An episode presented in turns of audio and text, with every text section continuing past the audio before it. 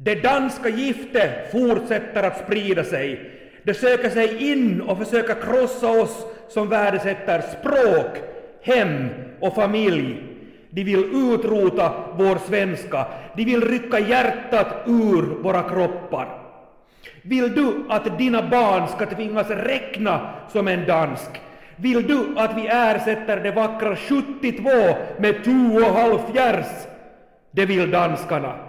Med serier som Brottet och Bron har de till och med trängt in i våra vardagsrum och de planerar än en ny attack. Med kärlek till oss och till allt det vi tror på har vi därför valt att försvara oss. Dansk musik och danska serier ses nu som en direkt provokation mot oss och det kan vi förstås inte tolerera. Istället för de här serierna väljer vi nu att sjudubbla sändningarna av näst sista ordet, kärlekens och hederns språkpodd, som från och med nu blir en obligatorisk njutning i alla finlandssvenska klassrum och hem jämt klockan 12 alla dagar.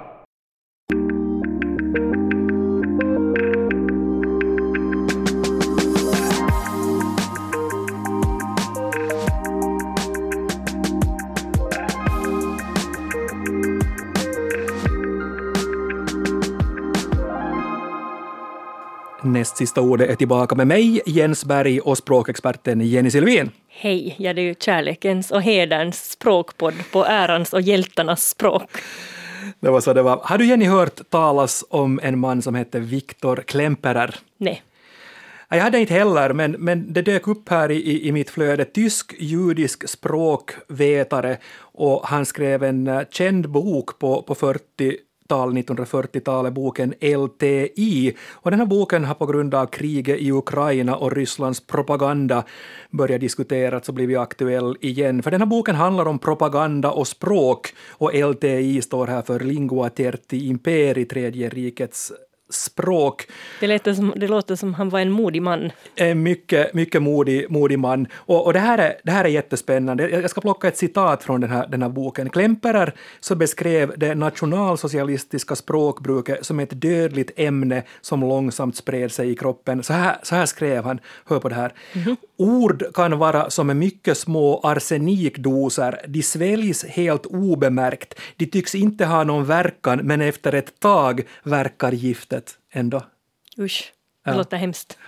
Och i förordet till den här boken står det också de ord med vilka vi talar och tänker är avgörande för vilken sorts samhälle vi skapar och vilken sorts människor vi blir. Mm. Klokt. Klokt, låter sant. Vi ska alltså tala om språket i propagandan idag och jag är jätteglad när jag, när jag nu får presentera dagens gäst Mats Bergman. Välkommen! Tack så mycket. Du är Mats biträdande professor i media och kommunikation vid Sosokom, Helsingfors universitet. Du har också en bakgrund inom filosofin och du undervisar i bland annat propaganda och hur den tar sig uttryck.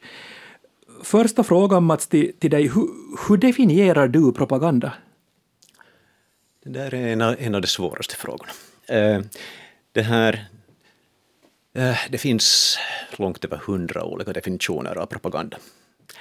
Och eh, faktiskt en av de första frågorna jag alltid ställer mina studerande är hur definierar ni propaganda? Och jag får alltid väldigt intressanta svar, väldigt olika svar och det kan jag säga att fortfarande har vi inte kommit fram till ett definitivt svar. Ja. Jag tänker mig snarare så här att uh, propaganda är ett av de här uttrycken som är väldigt, eller orden som, är väldigt, som vi alla vet vad det handlar om tills vi försöker definiera det. Mm.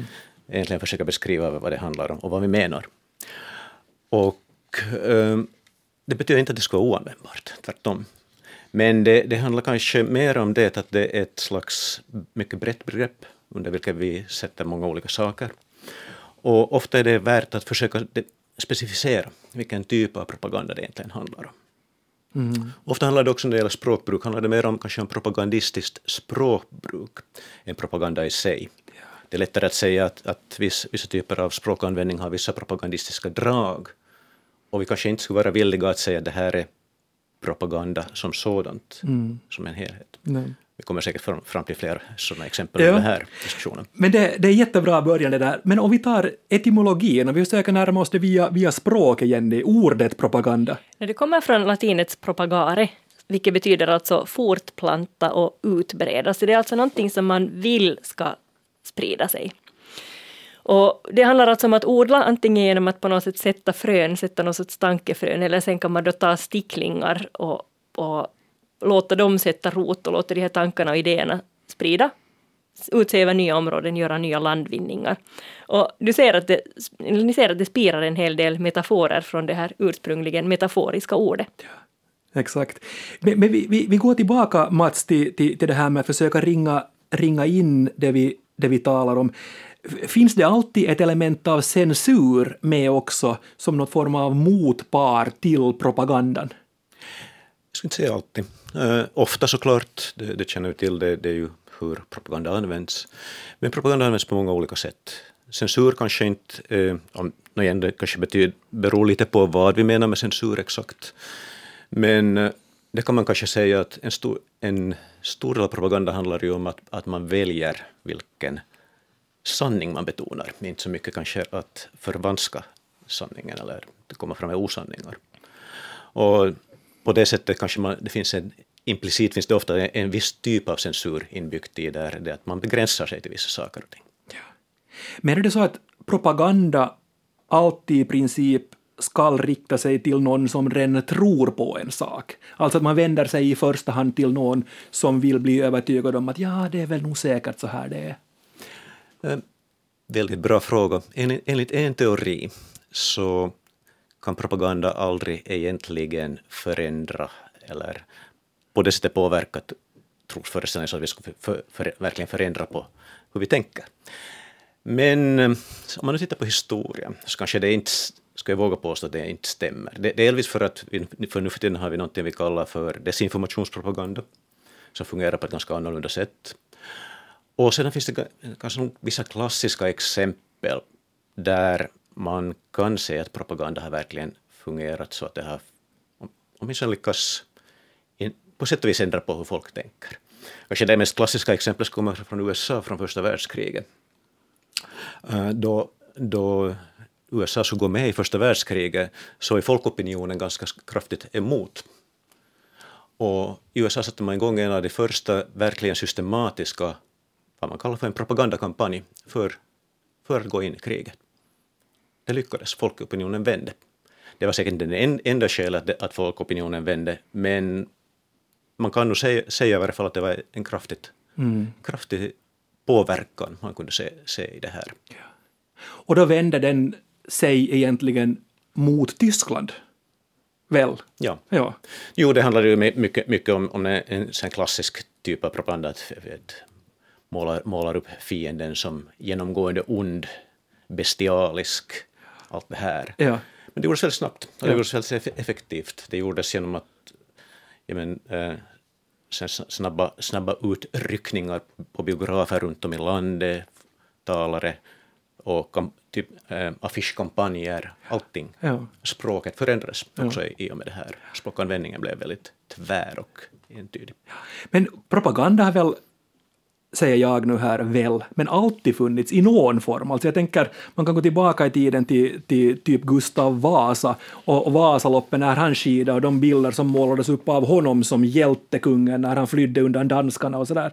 Alltså, propaganda har väl funnits egentligen så länge vi har kunnat kommunicera med varandra överhuvudtaget. Alltså, som kulturellt fenomen handlar det helt enkelt om hur vi kommunicerar och särskilt kanske just när det gäller om hur attityder och trosuppfattningar uppkommer och sprids. Och att studera propaganda är alltså det har blivit en jätte, jätteviktig del av flera vetenskapliga grenar som alltså historia, teologi, kommunikationsvetenskap, utbildning, alltså, heter, heter, alltså utbildningssystem, mediekunskap, litteraturvetenskap, retorik, politik. Att det, det finns. Men alltså ordet uppkom första gången år 1622. Okej? Då var det alltså påven, en, en påve då, Gregorius den femtonde, som reagerade på, det var egentligen en sån här motreaktion till reformationen. Där, reformationen ledde till alltså att det kom sådana avknipp, avknoppningar från den, från den katolska kyrkan, alltså med olika protestantiska och andra församlingar. Och den här var alltså en process som hade pågått länge. Men nu var det alltså 1622 skapade han en sån här kardinalsammanslutning, Congregatio de Propaganda Fide. Och propaganda fide var just det här att sprida och, och odla den rätta tron. Och här var det alltså inte alls, de, de ville bara sprida det som de ansåg vara kärnan i katolicismen. Och det var och inte var, de, inte var deras syfte på något sätt att koka ihop eller sprida lögner, utan helt enkelt bara att påminna folk om vad som är den katolska trons sån här liksom kärna. Ja. Men sen kom alltså vid franska revolutionen kom det upp en andra gång. Det var då liksom, liksom en ny våg då man aktivt använde det här ordet propaganda. Och då var det alltså frågan om personer som var uppfyllda av upplysningens ideal. Och upplysningen var ju också en process som tog vara länge, nästan eller största delen av 1700-talet, men alltså nådde sin kulmen ungefär vid tiden för franska revolutionen. Och då användes dels alltså, man använde propaganda för att sprida upplysningens och förnuftets ideal. Men sen användes det i negativt, alltså så här förminskande av folk som alltså motsatte sig det här. Exakt. Så ganska lite så reaktionära krafter som talar liksom avfärdade som det här är nu propaganda. Yeah. Och det var alltså första gången som man började använda det i liksom negativa mm. ordalag. Intressant det där. Jag, en grej Mats också som jag, som jag funderar på så är att, att när när jag har grävt och tittat i olika synonymordböcker och försökt förstå mig på, på själva ordet propaganda och vad, vad allt det är, så nämns orden reklam och PR som åtminstone halvsynonymer till propaganda. Vad säger du om det? Det finns en klar historisk förklaring till det. Okay. Och det har att göra med, med den period då propaganda kanske all, det som man kunde kalla för då, det det moderna propagandabegreppet uppstår. Det vill säga efter första världskriget, eller tiden omkring första världskriget. Eh, efter första världskriget så och under mellankrigstiden speciellt användes ordet propaganda ofta som en direkt synonym för, för PR. Till exempel Edward Bernays som anses vara en av, en av PRs moderna fädrar. Och eh, det fanns en tanke att propaganda kanske egentligen var ett neutralt redskap. Det berodde bara på hur man skulle använda det. Och PR, PR under den här tiden tänkte man också att det var något som myndigheter gör. Och eh, under en lång, lång period så förekom de här två, kan man säga, associationerna hos propaganda om varandra. Om varandra. Det vill säga, det fanns en negativ association som kommer från krigspropagandan, men samtidigt fanns det den mera positiva tanken att, att i ett massamhälle så behö, behövs propaganda för att annars för att hålla massorna i styr helt enkelt. Mm. Eh, Sovjetpropagandan var ju ett, ett gott exempel på det. Exakt. Var man tänkte, tänkte sig detsamma. Ja. Och i ska säga här i Norden så finns det ett väldigt intressant exempel på vad man kan kalla för en PR, informationsspridningstyp av propaganda, mjölkpropaganda. Väldigt stark i både i Sverige och i Finland. I den, den mån att, att, att i Sverige ta, spreds mjölkpropaganda av det som kallas för mjölkpropagandan och i Finland av mjölkpropagandabyrån. Och det bytte namn först någon gång på, efter andra världskriget. Och om man tittar på definitioner i, av propaganda med Svenska Akademiens ordlista från en definition som gjordes först på 50-talet så nämns eh, reklam som en direkt synonym, att sälja varor. Så den distinktionen har varit länge ganska oklar.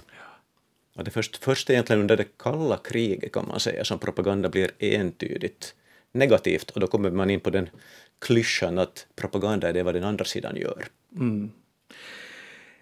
Och när vi tänker på propaganda nu så här, eller var, var man, så ja, vi har nazipropagandan, nationalsocialismen i Tyskland på 1920-, 30 och 40-talen. Och så har vi förstås då Ryssland 2010-talen och, och ända fram till, tills idag, det vill säga de senaste tio åren. Vad säger du Mats om, om, om, om det här, skillnaden när vi talar om, om, om, om, om nazipropaganda, säg på 1930-talet, med Rysslands propaganda nu år 2022? Likheter och skillnader, hur ser du på det? Det finns både det finns massor av likheter och massor av skillnader det, det, blir en, det blir en lång lista, vi börjar gå igenom alla, men det där, en likhet kan vi säga att eh, är det att Nazityskland omfattar något man kallar för totalpropaganda. Alla medel var tillåtna. Och vi har sett liknande drag i Ryssland, åtminstone emellanåt.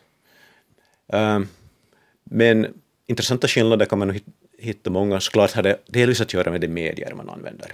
Det är klart att nu, nu för mm. tiden görs en stor del propaganda genom sociala medier. Och det förändrar, det förändrar på saker och ting, till exempel på det sättet att propagandisten har inte på samma sätt alltid kontroll över budskapet. Det, det är en, man tänker på en klassisk tanke på propaganda, är det propagandisten står, har, kraft, har kontroll över budskapet, har en klar agenda och för fram det här. Och det, finns, det, är, en planerad process. Nu, nutida propaganda är ofta mycket mer oplanerad, mycket mer spontan, om man nu använder en, en, en nutidskliché, viral, man försöker åstadkomma virala budskap. Uh, och det, det ser man såklart i den nya, nya ryska propagandan. Men samtidigt skulle jag kunna säga det att, att när man talar om propaganda och de ska säga de sådär paradigmatiska exempel på propaganda så ska man inte glömma tycker jag, två, två vid sidan om Tyskland, som klart är, mm. Tyskland och Ryssland, så Sovjetpropagandan är en sak. Den nya, ny, nya ryska propagandan har vissa gemensamma drag med, med Sovjetpropaganda, speciellt så kallad desinformationspropaganda. Där, där finns ett klart exempel. Mm. Och sen ska man inte heller tycka glömma vilket egentligen är det mest framgångsrika propagandalandet genom tiden, alltså säger man ibland, Storbritannien under andra världskriget. Oho, det var ändå på något sätt lite otippat. Ja, lite grann. Ja, Storbritannien har väldigt effektiv propaganda, första världskriget och andra världskriget, speciellt under världskrigen. Um, det brukar säga att under första världskriget så vann Storbritannien informationskriget 10-0 mot, mot Tyskland. Delvis för att propagandan riktas ganska mycket mot USA, mm. att få med USA in i kriget. Men britterna var också eh, specialister på det som ibland kallas för svart eller dold propaganda. Att göra propaganda, propaganda så att propagandistens identitet inte bara är dold, utan att den ser ut att vara ett budskap som kommer från den egna sidan. Snyggt, eller skickligt menar jag. Ja, faktiskt. Och det, och det här, och det här eh, no, det, det, det här ska jag säga, tävlan vem, vem som är den bästa propagandisten mm. är kanske lite, lite vid mm. sidan om, ja. sidan om, om saken, men, men i varje fall Storbritannien är inte, är, har varit en stormakt inom propaganda. Kan man jag säga. tänker bara på, på den premiärminister de hade under andra världskriget. Winston Churchill var ju en retoriker, alltså en, en mm. erkänd, välkänd retoriker. Men intressant då att det fanns förutom den här retoriska megafonen Churchill som öppet och väldigt liksom, det var en tydlig avsändare bakom det budskapet. Men att det fanns parallellt alltså just sån här dold mm. smygpropaganda. Men hur spreds den? Hur, finns det liksom, hur, vilka var metoderna? Det fanns många olika metoder. Eh, man hade fejkade nyhetsstationer som gjordes på tyska såklart. Man spred eh, tidningar som såg ut att vara genuina tyska tidningar. Och eh, det som var det slugga det hela var att 95 procent var, eller kanske till och med mera, var, var sådant man skulle förvänta sig att komma från tyska medier. Det går bra för Tyskland i kriget, men man smög in där mellan raderna bud, budskap som, av olika slag, till exempel som hade att göra med med nazimyndigheters eller nazipampars sexualmoral. Sådana saker. Oh. Små saker.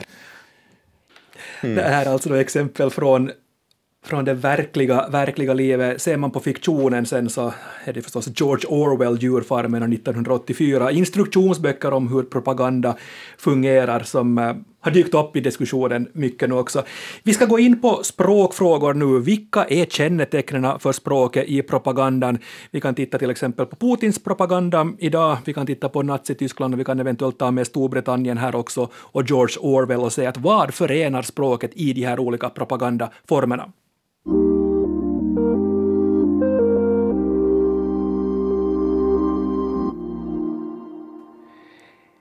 Det första man kan säga som ett kännetecken på propaganda i allmänhet när det gäller språk då alltså, så är förenkling. Budskapet är kraftigt förenklat och lätt att fatta och ta till sig. Har du Mats exempel på det här från historien eller från nutid? No, det, det är kanske man snabbast kommer att tänka på är väl slogan av olika slag. Snabb, snabba, effektiva slogan. Uh, det finns hur många som helst exempel på det såklart. Uh, om vi tar ett alldeles något som har blivit, uh, eller på sätt och vis kommit tillbaka som ett propagandistiskt slogan är, är för segern nu, nu i Ukraina. Som associeras, och det här är en annan typiskt typisk grej, grej att man, man förenklar till maximalt om det bara går. Och här är, det, här är ett, ett praktexempel på det, mm. det förenklas till bokstaven Z. Exakt. Och det intressanta där bakom kan jag tillägga är ju det, är delvis att det, det verkar vara ett, ett halvt spontant uppstå. Det här, det här är kanske ett typiskt exempel på hur nutida propaganda kan uppstå. Det, så vitt vi vet åtminstone, fast det inte ett en, en tanke om att sätta i sig skulle vara en propagandistiskt redskap, utan det var någonting man hade målat som en identifikationstecken på, på, på tanks närmast mm. äh, pansarvagnarna. Exakt. Och det plockades upp i sociala medier först. Ja. Ganska snabbt insåg man på ryskt håll att det här, det här får liksom ett visst genomslagskraft. Mm. Och sedan associerade man med ett det här gamla budskapet för segern som egentligen associerar till andra världskriget, det stora fosterländska kriget. Exakt. Då, då det, man det fanns en film, Tack, tack för seger. Mm, det, det, det, finns mycket propagandistiskt material från det. Så därför, mm. Ett exempel bara på hur, hur liksom tecken ja. i sig, bara ett tecken, sedan får den här typen av slagkraft. Mm. Och, på tal om, om det här ännu, om vi tar från fiktionens värld, George Orwells 1984, krig är fred, frihet är slaveri, okunnighet är styrka. Det här var deras slagord. Har du Jenny någonting när det gäller förenkling du funderar på? Nej, jag tycker du fick in dem ganska bra här i din mm. inledning där du svartmålar danskarna, deras hemska språk och hemska kultur, alltså vilket jag alltså här direkt säger att jag, jag är en stor vän av Danmark, ja, ja, både språk och kultur. Det, också, det var därför jag vågade ta Det var därför vi vågade ta det, mm. men just det här när du sa att det kommer in i våra vardagsrum med, sina, med sitt språk och, och just, då det här, just den här, på något sätt den här klichén, det värsta med danska språket är deras siffror för att de är svåra. Så är. Klodda bara av, besegrade bara av franskan på den punkten. Sant. Men, men just det här att, att du talar om kärleken och hemmet och fosterlandet och, och, och på det sättet kom du in och det, det är just sådana här typiska teman som används i, i det propagandistiska språket. Det där är exakt för att det, det, den andra, andra delen av det så är just den här förstärkningen att de här orden du nämner, kärlek till hem och familj, önskan om fred, frihet, ära och heder. Och, Tala om kärlekens och hederns språkpodd. Ja, ja. Och, och, det här är väl ganska typiskt Mats också, den här, den här förstärkningen på något sätt att Hitler använde ord som historisk och total och evig och sådär. Jo, ibland på engelska talar man ibland om glittering generalities. Glitteren, glittrande generaliseringar. Mm. Det är en klassisk, klassisk grej som man såklart ser. Um, det kommer jag säga, jag tycker att, att när det gäller språk, det kanske inte handlar så mycket egentligen bara om språket i sig, utan det handlar ofta om språkanvändning mer, mer allmänt när det gäller hur det är ju saker och ting vi, vi alla använder glittrande generaliseringar mm. utan vi ska vara propagandister Exakt. för den skull. Men det, det, är klart att i i propaganda så understryker man just den här typen av mm. saker. Det blir, det blir mest påtagliga i just de stora talen så att säga. Och det tredje är sen det som, det som i teorin kallas för förtätning, alltså att man omskriver ord, att man använder ett uttryck eller ett akademiskt ord istället för att direkt skriva ut vad det handlar om. Och här har vi då en specialoperation eller fredsstyrkor, som Ryssland nu säger, eller som Putin och hans maskineri i Kreml säger, istället för att använda ordet krig. Ja, jag tänker bara på Hitlers alla eufemismer, för det han höll på med är ju alltså Ja, han talar väl om det judiska kriget? Exakt, och vad, vem var det liksom, ja, vem var det nu som sen startade sen sist och slutligen? Nej, exakt. Precis, ja. ja, här kunde man kanske också återknyta till Orwell på sätt och vis. Därför att för Orwell fanns det på sätt, äh, Orwell ger ju så inte bara doublespeak utan också newspeak. Och newspeak handlar ju ganska långt om det att man omskriver. Mm. Omsk omskriver saker och ting på ett sådant sätt att uh, det blir svårt att tänka på annat sätt. Ja. Och det här är kanske ett av de mest, om vi nu lite återgår egentligen till den definitionen av propaganda, ja. som säger den mest karaktäristiska saken är att man försöker undvika att mottagaren budskapet kan tänka på annat sätt. Det här är en klassisk propagandamodell. Precis. Därför, därför är liksom den, kan man säga, Orwells Newspeak är kanske en av de extrema modellerna för propaganda. Ja. Och det, för att det här är då den här fjärde delen egentligen när man försöker ringa runt vad är propagandistiskt språk och det är just den här Mats grej som du säger om förklädnaden. Och, och det är intressant det där för att det var visst så i, i Orwells 1984 att allting som var positivt var bra allting som var negativt var obra, för att det skulle inte finnas nyanser någonstans i språket, att man kunde säga att någonting var förträffligt eller härligt eller så. Det var bra, eller så var det obra. Det var ljust, eller så var det oljust. Och, och, det här är ju på något sätt också att ta bort, de här, ta bort språket som verktyg för, för, för människor att, att mm. uttrycka sig.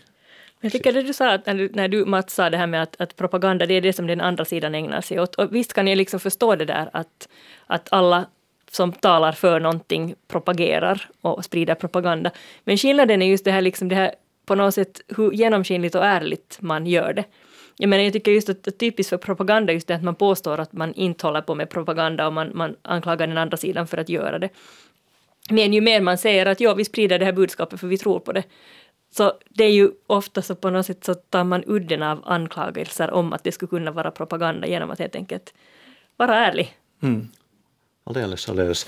Eh, en sak man kan säga om propaganda, det är ofta lättare kanske att säga vad, det inte vad den inte gör än vad den gör, exakt gör. Men en sak den inte gör är eh, bjuder in till dialog. Mm. Den typ, dialogisk kommunikation.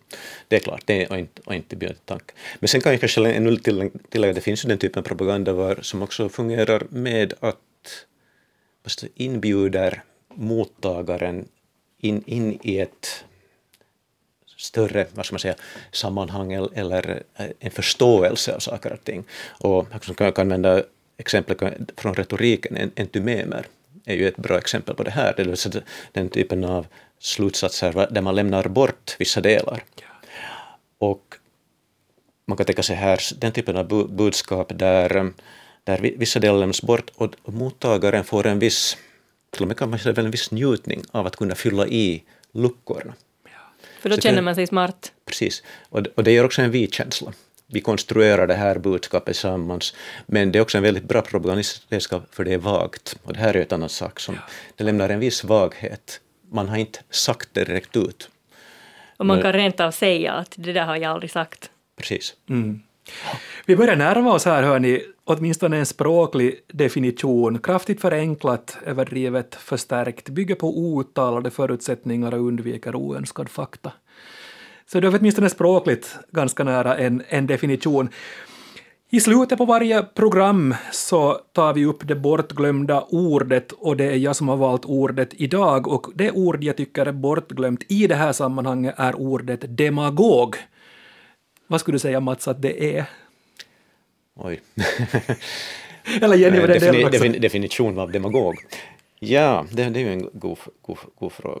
Jag har inte kanske en hemskt bra definition, igen, igen kommer jag kanske tänka på de konkreta exemplen, är ju det vi tänker oss i, i histori, historiska, stora demagoger mm. är ju ofta de stora propagandisterna. Exakt. Uh, namn som Goebbels och motsvarande kommer, kommer upp. Men det är, det är klart att vi har haft i våra tider lite andra typer av figurer som också har kallats för demagoger och nu kommer man kanske närmast tänka på före detta eh, president Trump som också fick den här stämpeln, rätt eller fel, mm. med något ganska demagogiskt språkbruk. Ja. Och ofta tänker man väl säga att det, det är mycket nära det som man kallar för propagandistiskt, men också ett populistiskt Exakt. språkbruk. Ja. Som finns paralleller eftersom det, det är ju inte identiska saker, men, men i alla fall. Alltså jag skulle liksom nu typiskt då för populism och propaganda förenkla, så för mig, en, jag förenk, nu går jag själv och förenklar, jag har en vag uppfattning om vad en demagog är, men jag tycker att det är någon som ganska högljutt tutar ut sitt budskap utan att riktigt bry sig om någon annans budskap. Mm. Det är nog nära, nära just den här definitionen. Jag tog det här ordet för jag tycker att det är intressant. Det kom till svenskan i slutet på 1700-talet och det är grekiskan demagogos, folkledare, från då demos folk och agogos ledare. Men samtidigt så kom ett annat ord till, till svenskan och det var pedagog. Men det är ett snällord. Det är ett snällord, men det är också då från, från grekiskans um, paidagogos och det är barnledare till pais, uh, barn och agogos ledare. Så folkledare blev mycket, mycket negativt i svenskan, men barnledare blev mycket positivt.